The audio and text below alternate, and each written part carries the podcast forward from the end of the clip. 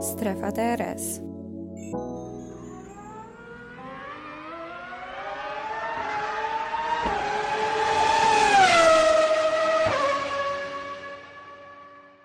Cześć wszystkim, witam w kolejnym odcinku. Po wyścigowym, w końcu mogę to powiedzieć. Bardzo mnie to cieszy. Mam wrażenie, że od ostatniego podcastu, który był jakkolwiek związany z wyścigiem, minęło tysiąc lat, bo z tego co pamiętam, ostatni to odcinek właśnie po Abu Dhabi, emocje w Abu Dhabi związane głównie z Sebastianem Vettelem. Wtedy, a teraz jesteśmy w nowym etapie sezonu, jesteśmy na samym początku w najbardziej ekscytującej części. Nie, nie mogę powiedzieć, że nie. Dla mnie to chyba też jest moja ulubiona część sezonu, e, ale o tym zaraz. Na początek chcę przypomnieć, że mam Instagrama.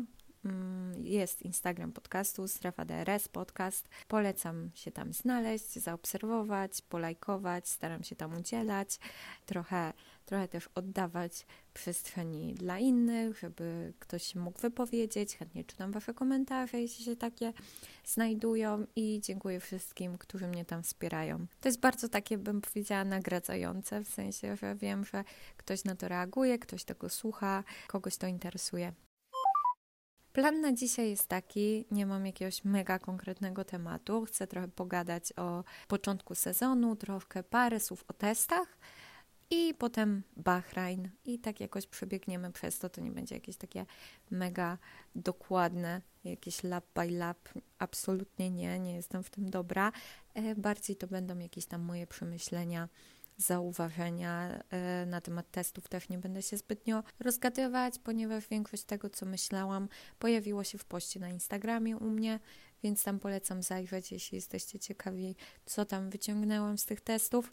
I jakoś tak postaram się przejść przez to wszystko, coś tam pozauważać, coś tam pokomentować i, i po prostu cieszyć się tym, że w końcu mogę pogadać trochę o, o już akcji na torze i już o tym, jak cały ten cyrk działa. No więc początek sezonu. Za początek sezonu uznaję testy. Teoretycznie nie jest to jeszcze sezon sezon, ale to jest taki pierwszy moment, w którym widzimy wszystkie bolidy już w takiej prawie że ostatecznej wersji. No, te samochody zawsze się zmieniają, tak, praktycznie z dnia na dzień, z sesji na sesję, a, a co dopiero, gdy porównujemy to, co przyjeżdża na testy, a co potem widzimy na pierwszym weekendzie. Ale jest to pierwszy moment, gdzie widzimy wszystkie te bolidy gotowe, możemy gdzieś tam je porównać. E, dostajemy masę kontentu właśnie, gdzieś tam zdjęć, które porównują sekcje boczne, tył bolidu, przednie skrzydła i to wszystko.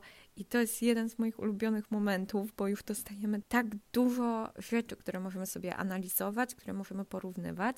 Też to były pierwsze testy, które mogliśmy całe oglądać z polskim komentarzem, co było super. I ja w ogóle chylę czoła przed Viaplay i uważam, że robią świetną robotę. Ja się absolutnie nie zgadzam ze słowami, że ta platforma nie daje rady, jest do kitu i się zacina, mi się nic nie zacinało, wszystko działało elegancko i, i też super dużo właśnie takich insidów i fajnych, fajnych informacji się tam pojawia co tutaj sobie zapisałam, żeby powiedzieć na, o tych testach, o takich najważniejszych rzeczach, które będą się też mocno dla mnie wiązały z Bahrajnem, no to przede wszystkim to, że McLaren od razu z gigantycznymi problemami, problemy z hamulcami, problemy z bolidem ogólnie. Oscar Piastri z najmniejszą ilością przejechanych okrążeń, jeśli chodzi o debiutantów w trakcie tych paru dni. Tak samo zresztą cały McLaren, najmniej okrążeń, jeśli chodzi o wszystkie zespoły.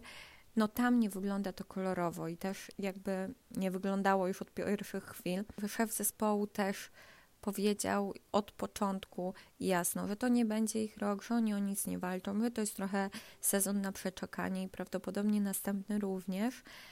Myślę, że nikt nie spodziewał się, że będzie aż tak źle, bo w zeszłym roku podobne były komentarze, bo wiedzieliśmy, że um, średnio trafili z, z tym bolidem i, i że będzie ciężko, a jednak Lando Norris udało mu się zdobyć podium nawet w Najmoli, więc, więc gdzieś tam był jakiś promyk nadziei, a teraz mam wrażenie, że będzie naprawdę źle i niestety właśnie w Bahrajnie to się totalnie potwierdziło, bo cały wyścig był totalną katastrofą i McLaren chyba był no, zespołem, który sobie najgorzej poradził.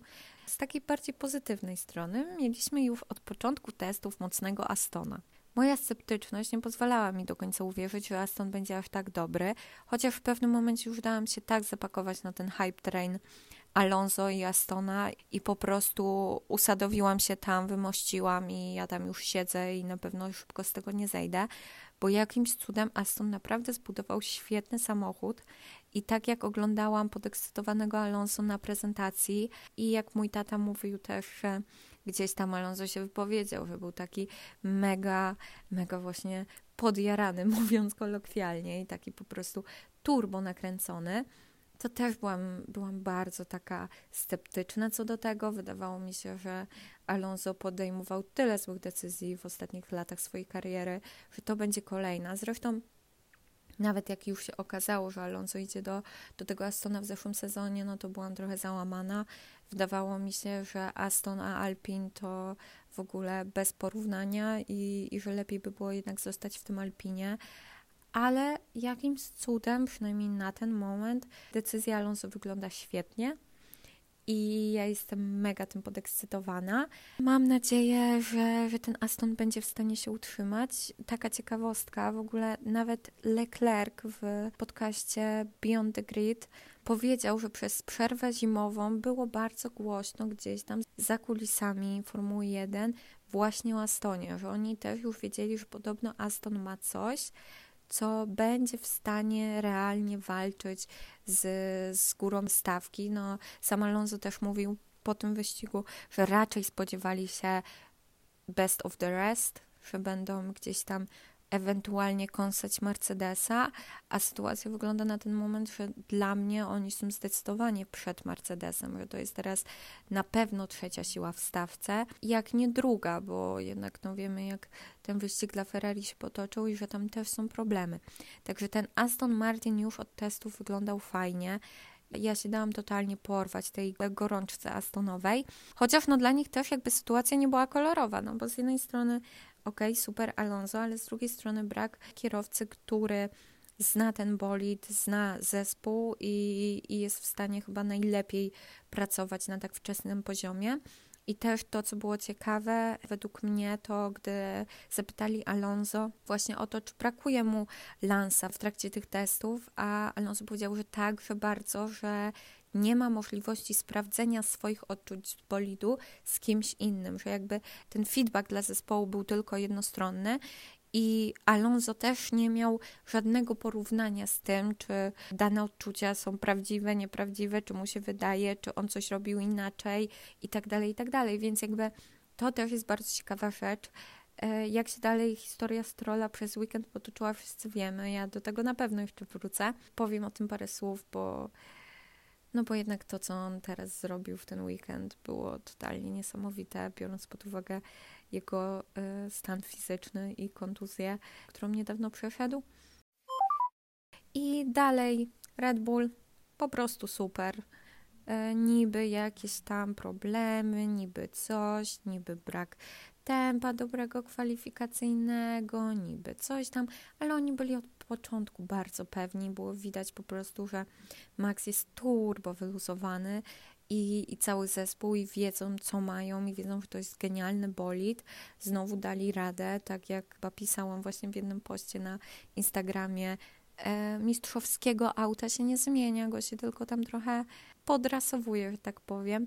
Tym bardziej jakby te bolidy są dużo bardziej zależne od aerodynamiki, a oni mają u siebie w garażu, u siebie w zespole boga aerodynamiki Adriana Newaya, który potrafi robić tak niesamowite rzeczy. Myślę, że wszyscy widzieli gdzieś tam te zdjęcia mm, właśnie z testów z farbą tą, która którą się nakłada w trakcie przejazdu, żeby zobaczyć właśnie jak powietrze opływa samochód i to porównanie właśnie jak to wyglądało na innych bolidach, a jak wyglądało w Red Bullu. No tam to było po prostu przepiękne i każda linia, każda część tego auta była super przemyślana.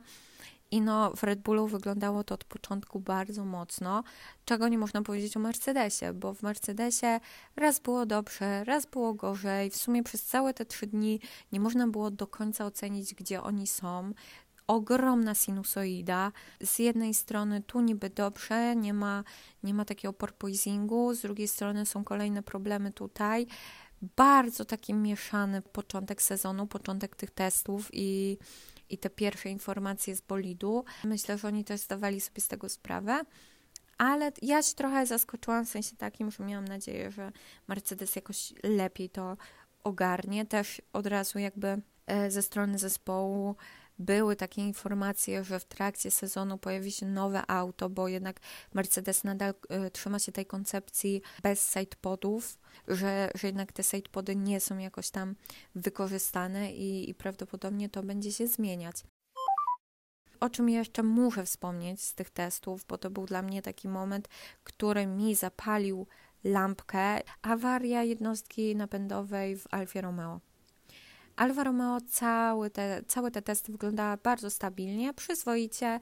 Mam nadzieję, że to się utrzyma dalej, że nie, nie powtórzy się to, co działo się w zeszłym sezonie, czyli bardzo mocny początek, a potem w trakcie, gdy inne bolidy ewoluują, to, to oni gdzieś tam zostają w tyle. Świetnie wyglądali, ale ta awaria jednostki napędowej, o ile się nie mylę, drugiego albo trzeciego dnia u Walteriego Bottasa mi zapaliła już bardzo mocno czerwone lampeczki w głowie i jedyne, co miałam w głowie, to było: to jest silnik Ferrari. To jest silnik Ferrari i to jest bardzo duże ostrzeżenie. Chciałam tego głośno mówić, ale gdzieś się spodziewałam, że może coś w trakcie pierwszego weekendu i, i dalej się dziać z tym silnikiem, bo skoro takie coś dzieje się od razu w trakcie testów, to, to na pewno to prawdopodobieństwo dalej jest dość duże. E, mimo że Ferrari wyglądało dość stabilnie, Leclerc też się wypowiadał, że jakby to, co mieli do sprawdzania i to, co sobie zakładali, się sprawdziło, więc, e, więc to wyglądało pozytywnie. No, ale sprawdził ich ten pierwszy weekend w Bahrajnie. I tak jeszcze właśnie przechodząc trochę już do Bahrajnu, ale jeszcze trochę zostając w temacie testów, to, co ja uwielbiam na początku sezonu, czy to są testy, czy to jest właśnie pierwszy, e, pierwszy mm, weekend wyścigowy, już prawdziwy, to jest ta dzika ekscytacja wszystkich w padoku, wszystkich dziennikarzy, wszystkich fanów. To, jaki klimat się wytworzył na e, social mediach, ale też właśnie e, w trakcie transmisji, jak gigantyczną ekscytację mieli na twarzach Michał Gąsiorowski i Mikołaj Sokół w momencie, kiedy pierwsze bolidy wyjeżdżały na tor w trakcie testów. Bezcenne po prostu. I dla mnie to też jest takie super, że jakby widać, że przekonuje się, że gdzieś są jeszcze takie świry jak ja, dla których po prostu to 20 bolidów na e, torze, czy 10 w trakcie testów, jest najpiękniejszym widokiem na świecie i po prostu nie możemy się doczekać przez te całe długie miesiące do właśnie tego momentu. I bardzo to lubię. I uważam, że to jest jedna z najlepszych części całego sezonu, ale też jakby tej formułowej społeczności, że wszyscy się ekscytujemy, że wszyscy chcemy tego wszystkiego, że y, dostajemy właśnie nowe zdjęcia bolidów, porównania, mnóstwo nowego kontentu, wypowiedzi, jakieś zabawne sytuacje, że to wszystko zaczyna żyć, że ten cyrk już zaczyna po prostu swoje wielkie show, które w tym sezonie będzie trwało przez 23 weekendy, teraz już 22, bo jesteśmy, pierwszy już jest odhaczony. Więc no, niesamowite i ja to bardzo lubię. Porównywalne dla mnie jest tylko to, co czujemy po przerwie letniej, bo wtedy też jest, mam wrażenie, taki gigantyczny baz we wszystkich, że wszyscy już po prostu nie mogli się przez te parę tygodni doczekać z powrotem jeżdżenia też kierowcy i, i zespoły i e, szefowie zespołów też po nich było widać, że w trakcie testów, mimo że oczywiście praca, zbieranie danych i, i to wszystko, to z drugiej strony jednak, że byli niesamowicie też podekscytowani, więc to jest, to jest coś, o czym ja musiałam wspomnieć, bo to jest taka rzecz, która mnie w formule cieszy bardzo mocno i którą bardzo w tym sporcie lubię. Teraz przechodząc właśnie już do tego Bahrajnu, podekscytowani, jesteśmy w Bahrajnie, pierwsze treningi, jakoś to tam sobie leci. I okazuje się przed weekendem, że wraca Stroll, który ominął testy ze względu na swoją przez długi czas nie wiedzieliśmy, jaką kontuzję, bo zespół trochę to gdzieś tam nie było konkretnej wypowiedzi. Możemy się mniej więcej domyślać, czym to było spowodowane, bo mm, jednak ten stan Strola w trakcie testów na przykład no, był dużo gorszy. On bardzo szybko później w trakcie rehabilitacji wyszedł z tego i w ekspresowym czasie był w stanie y, usiąść do bolidu. No ale nie wiedzieliśmy, co się tam z nim dzieje. W trakcie testów chyba jeszcze nawet, czy dzień po testach, dostaliśmy informację, że Felipe Drugowicz pojedzie w Bahrajnie, jeśli Lance Stroll nie da ra rady, bo to nadal było takie, takie niepewne, no ale Stroll jednak dał radę. Ciężki pierwszy trening, bardzo mało czasu przejechanego, problemy z autem. Później w drugim treningu problemy z wyjściem z auta, problemy z, z obraniem odpowiedniej linii wyścigowej w, pierwszej, e, w pierwszym zakręcie. Sfrustrowany Lance Stroll na radiu do swojego inżyniera, że on nie da rady po prostu skręcić tą kierownicą w taki sposób. Wszyscy się gdzieś tam o niego martwiliśmy. Ja osobiście myślałam, że on nie da rady, bo jednak później, jak się dowiedzieliśmy, że to były złamane nadgarstki, potem do tego jeszcze doszedł palec u stopy. Jedną z najważniejszych części ciała w trakcie prowadzenia bolidu na pewno są nadgarstki, bo jednak praca kierownicą jest ogromna, a, a on jakimś cudem dał radę i tym bardziej wjechał w pierwsze treningi, wykręcił świetne czasy, potem w kwalach wykręcił P8, no, dla mnie Stroll udowodnił w ten weekend, że zasługuje na to siedzenie, że ma motywację, że chciał wrócić. O tym jeszcze pewnie pogadam gdzieś tam bliżej wyścigu i podsumowania. O Strollu już tutaj zahaczam temat, na pewno jeszcze do niego zaraz wrócę. Teraz e, przejdę do Sainza i Ferrari. Sainz z wielkim spinem w trakcie chyba pierwszego treningu, spinem, który po prostu e, sprawił, że, że ledwo oddychałam. Strasznie mnie to zestresowało. Ferrari w ogóle wyglądało na turbo niestabilne w trakcie tych treningów, szczególnie to Ferrari Sainza. Możliwe, że było to spowodowane tym, że Sainz jechał z inaczej zamocowanym tylnym skrzydłem niż Leclerc, bo miał tam taki tylko na jednym jakby, jakby to nazwać, takim pałąku się trzymało to skrzydło, u Leclerca były to dwa i ten Sainz był mega niestabilny. Sam też powiedział, że ten samochód jakby jedzie zupełnie inaczej i też Sainz nie czuł się chyba tak dobrze w tym bolidzie i, i tu już też miałam stres, ale miałam nadzieję, że jakoś ładniej to przeleci. No i dalej w sobotę kwale, wiadomo. Jak ja tu sobie napisałam? Kwale elegancko. Kwale były bardzo fajne, e, mimo że nie, może nie dostarczyły nam jakiejś takiej mega bliskiej walki, w sensie takiej mm, właśnie na przykład mega walki o pol, no bo jednak umówmy się, Red Bull był totalnie z przodu i no nikt nie był w stanie im zagrozić to reszta była bardzo blisko i faktycznie jakby te czasy zmieniały się regularnie, były małe różnice i, i ten środek stawki jest jest dość blisko siebie, co napawa mnie bardzo dużym optymizmem na następne wyścigi, na następne kwale.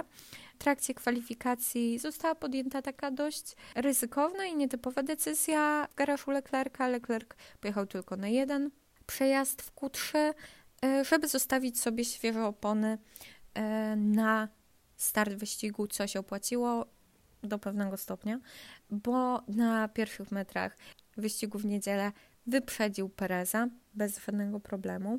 W kwalach też świetnie się popisał Hulkenba e, Hulkenbach, Hulkenberg i zrobił genialny Hulkenbach, bo P10 Q3 dla Hasa w pierwszych kwalach po bardzo długiej przerwie w takiej regularnej jeździe to jest naprawdę coś. Tak jak powiedziałam, Stroll P8 to też na pewno jest warte odnotowania. Pole position było oczywiście Maxa Verstappena, dalej był Perez i trzeci był Leclerc, co było dla mnie zdziwieniem, biorąc pod uwagę fakt, że nie wyjechał na, drugie, na drugi przejazd i uważam, że Sainz powinien być przed nim, ale ale już to odpuścimy, nie będziemy od początku sezonu jacyś tacy uszczypliwi dla Carlosa. E, piąty był Fernando Alonso. Ja bardzo liczyłam, że Fernando pojedzie lepiej, że to będzie jakaś taka realna możliwość na trzecie miejsce w kwalach i wiem, że dużo osób też się tego spodziewało, bo z tego co pamiętam, wydaje mi się, że Nico Rosberg też przepowiadał, że Alonso będzie trzeci w kwalach.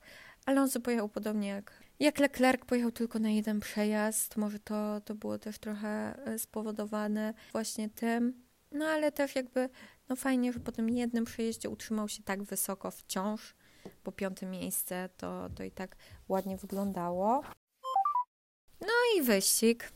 Przebiegnę przez niego, mam nadzieję, już jakoś tak szybko, bo już widzę, że mówię i mówię. Długo trwa, e, trwa już ten podcast, a jeszcze nie, nie doszłam do najważniejszej części. Przed wyścigiem, bardzo ważna rzecz, Leclerc już z wymienioną częścią jednostki napędowej, dokładnie miejscem przechowywania energii. Teoretycznie było to zrobione czysto profilaktycznie, ale no coś tam im już nie grało. Posypały się memy, posypały się śmieszne komentarze, nie dziwię się, no bo pierwszy wyścig, a, ale Leclerc już ze zmienioną częścią nie wygląda to dobrze. Więc Stroll jedzie. I tak, na pierwszych metrach kontakt Strolla z Alonso podobno po, po tym kontakcie właśnie Stroll miał, e, miał ogromny ból w tych swoich nadgarstkach, że jednak to szarpnięcie kierownicą tam było dość mocne. Był to dość mały, mały kontakt, ale, ale jednak był. Co ja mam tu jeszcze zapisane? Cyrk Okona, Okon z karami, karą za karą, karą za złe stanięcie na e, polach startowych, co jest w ogóle według mnie też to było trochę takie dziwne, bo później Okon bardzo gdzieś tam na radiu się, się o to bulwersował, ale no jednak wszyscy wiedzieliśmy, że od tego sezonu są takie przepisy, więc dziwi mnie jakby, że Okon nie został o tym dostatecznie dobrze poinformowany, czy zapomniał, czy nie wiem, co tam się stało. Trochę mnie to zdziwiło i to był największy błąd Okona, bo później no to już nie można jego gdzieś tam o to obwiniać, bo, bo to zespół źle ten czas odliczył, co zaskutkowało no bardzo zniszczonym e, wyścigiem dla Okona. Na pewno nie był to zniszczony wyścig dla jego starego kolegi z zespołu Fernando Alonso, bo Alonso był totalnym przekotem tego wyścigu i to, co on wyrabiał na torze, było po prostu niesamowite i nie z tej ziemi. Ja, ja nie wiem, jak to jest możliwe, że ten człowiek jeździ tak, jak jeździ, tak jakby się nie zestarzał po prostu w ogóle i jest niesamowity. Najpierw była walka y, właśnie Fernando z George'em, która była świetna i trzeba tu pochwalić jednego i drugiego, również George'a, bo George po prostu jeździ teraz niesamowicie przytomnie, jest kierowcą bardzo świadomym, bardzo jeździ pewnie i te walki już nie są takie, że się gdzieś tam boimy o to, czy, czy on nie straci panowania nad autem i, i nie zapomni, żeby skręcić tak, a nie inaczej, tylko no naprawdę, naprawdę klasa i naprawdę daje sobie świetnie radę. Dalej była walka jeszcze lepsza, bo walka pomiędzy dwoma mistrzami, pomiędzy Fernando a Luisem, no to było przepiękne. I jeszcze fakt, że Alonso wyprzedził Luisa w dziesiątym zakręcie, w najcięższym zakręcie na całym torze. Ja nie mam słów. dla, mnie, dla mnie to, co ja tam przeżywałam, było po prostu niesamowite i, i to, jak Alonso wjechał w ten zakręt, jak on tam w ogóle kąsał tego Luisa, jak dobrze wiedział, co się stanie i kiedy i jak on to zrobił. Dla mnie to był na pewno highlight tego, tego wyścigu. Zresztą, jak wszystko, co wyrabiał e, Fernando Alonso, też nie możemy się jakby dziwić, że został Driver of the Day, to chyba rekordowym procentem 53 głosów, bo ja nie pamiętam osobiście tak gigantycznego procentu mm, wygranej, jeśli chodzi właśnie o Driver of the Day. Alonso był zdecydowanie Driver of the Day i obiektywnie też uważam, że to podium, które trochę zostało mu dane przez to, że mm, Leclerc odpadł, więc to, to było na pewno bardziej osiągalne. to, to podium jakby mu się należało po prostu za to, jak jechał i co robił w trakcie tego wyścigu. No ale właśnie a propos Ferrari i Charlesa Leclerca, mm, na początku wyścig zaczął się dla nich fajnie. Podwójny pit stop Ferrari, który wyszedł. To, to był na pewno też jeden z pozytywnych, jedna z bardziej pozytywnych rzeczy w trakcie tego wyścigu. I reszta wyścigu była ok. Leclerc świetny start na tych świeżych softach, bez problemu wyprzedził Pereza. Ładnie to wyglądało, aż do prawie że końcówki wyścigu, to było chyba 40 któreś okrążenie, awaria jednostki. I wtedy jak ja to zobaczyłam, pomyślałam tylko, Jezu Martyna, wykrakałaś. Bardzo się tego spodziewałam, bardzo miałam nadzieję, że to się nie stanie. A jeśli się stanie, bo zawsze jakaś jednostka nie daje rady w pierwszym wyścigu, to że się stanie u kogoś innego. Ale stało się u Leclerca. Taka dość ciężka awaria, bo ten silnik nie wybuchł, tylko po prostu przestał działać, mm, więc jest jeszcze dużo pracy do zrobienia. I to był taki moment, od, od którego się zaczął taki downhill dla, dla Ferrari. Potem pojawił się dziwny bouncing u, u Sainza. Sainz też zaczął trochę spadać. Wyprzedził go Alonso. Nie był to na pewno idealny wyścig dla, dla niego i dla całego Ferrari. Mam nadzieję, że Ferrari na następny wyścig trochę bardziej zrozumie i trochę lepiej sobie poradzi. Mimo, że są też takie silver, silver linings tutaj w tej sytuacji, bo ta decyzja z kwali konkretna na temat tych opon to było coś, czego brakowało Ferrari w zeszłym roku, właśnie takiej decyzyjności, konkretów, konkretnego ryzyka, podejmowania decyzji jednoznacznych, więc to już jest jakiś taki promyczek nadziei, chociaż malutki i mam nadzieję, że, że dalej będzie to też dobrze szło. Pamiętajmy, że w, w zeszłym sezonie, w pierwszym, yy, w pierwszym wyścigu odpadły obydwa Red Bulle. Więc może tutaj też stanie się dobrze w Ferrari. Wszyscy mówią o Bahrain Curse, że ci, którzy wygrywają w Bahrajnie, nigdy nie zostają mistrzami świata. Podobno zostają e, nimi ci, którzy są najsi, najszybsi w drugim treningu. W drugim treningu najszybszy w ten weekend był Fernando Alonso.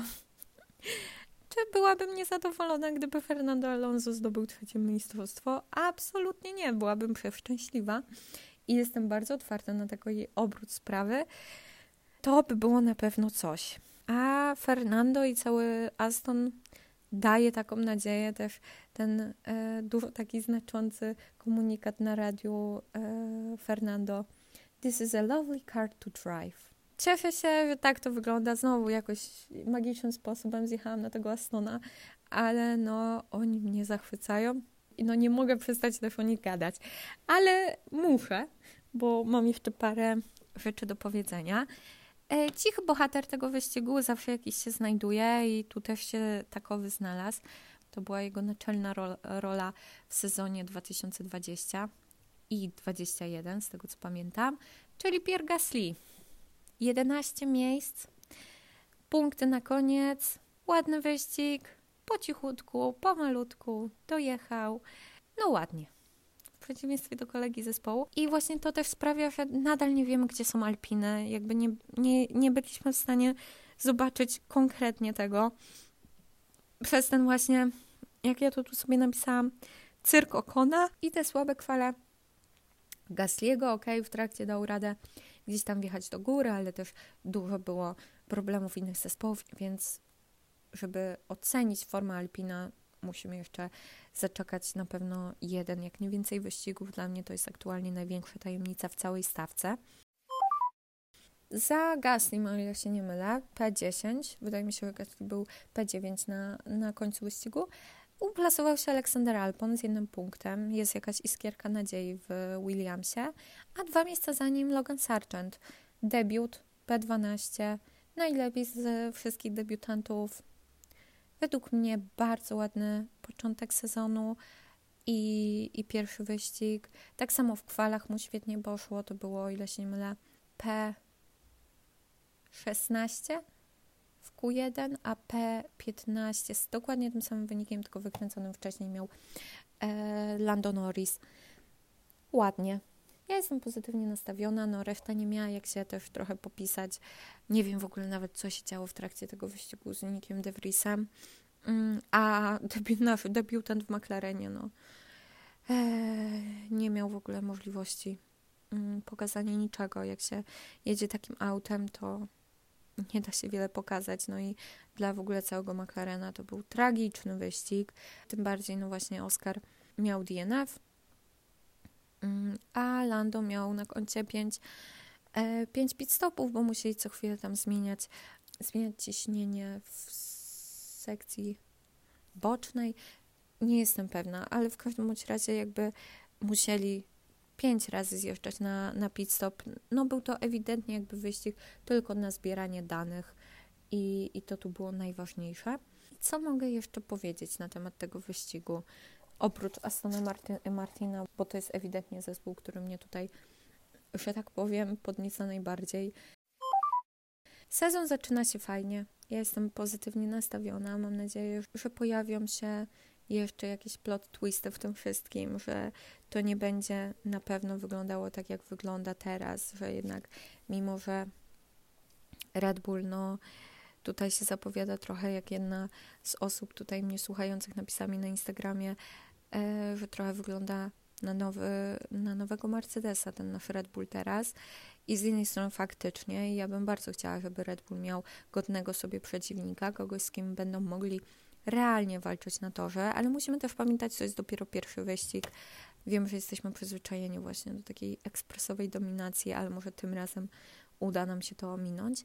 To jest dopiero pierwszy wyścig, zobaczymy, co będzie dalej. Z drugiej strony też ja uważam, że dlaczego jakby mamy nie kibicować komuś, kto zrobił tak genialną robotę w trakcie tego bardzo ważnego etapu tworzenia samochodu, bo, bo jednak no to to, co robi Red Bull aktualnie, no, jest na, na niesamowitym poziomie i, i fajnie też według mnie to się ogląda, jak, jak ktoś robi tak dobrą robotę. Mm, w tym jest też Max. Max, który mam wrażenie, że już się powoli staje nowym Luisem, w sensie takim, że pewnie się będzie coraz więcej pojawiało jakichś takich komentarzy o tym, że to nie Max tak dobrze jedzie, tylko jego bolid i tak dalej, i tak dalej. Mimo, że ja uważam jakby, że w ostatnich latach Max pokazał, że potrafi. I teraz po prostu no, ma taką sytuację, jaką ma z tym samochodem, ale jednak nadal jest najlepszy. Nie robi błędów, jedzie idealnie i, i pokazał to też w tym wyścigu. Pierwszy raz wygrał w Bahrajnie, poradził sobie świetnie, jeden, dwa dla Red Bulla. Bardzo ładny wyścig dla nich. Ja chyba powiedziałam wszystko, co chciałam, tak mniej więcej. E, mam nadzieję, że nie zapomniałam o niczym, co na czym bardzo mi zależało, żeby powiedzieć. I co? Cieszę się, że wróciliśmy. Wróciła Formuła 1, że są wyścigi, że jest akcja na to, że już taka realna, że są nowe rzeczy do analizowania. Mam nadzieję, że Wy też się z tego powodu cieszycie. Mm, zapraszam wszystkich do komentowania u mnie na Instagramie Strefa DRS Podcast, do pisania, do odzywania się. Jestem ciekawa Waszych, e, waszych przemyśleń, odpowiedzi na to, co ja tu sobie gadam pod moimi kocami w moim prowizorycznym studio. Za jakiś czas mam nadzieję, że też stworzę nowe formy łączenia się ze mną i też oglądania, a właściwie słuchania podcastu, ale to za jakiś czas. Trzymajcie się. Do następnego wyścigu a właściwie nie wyścigu, tylko do następnego podcastu. Do usłyszenia. Cześć.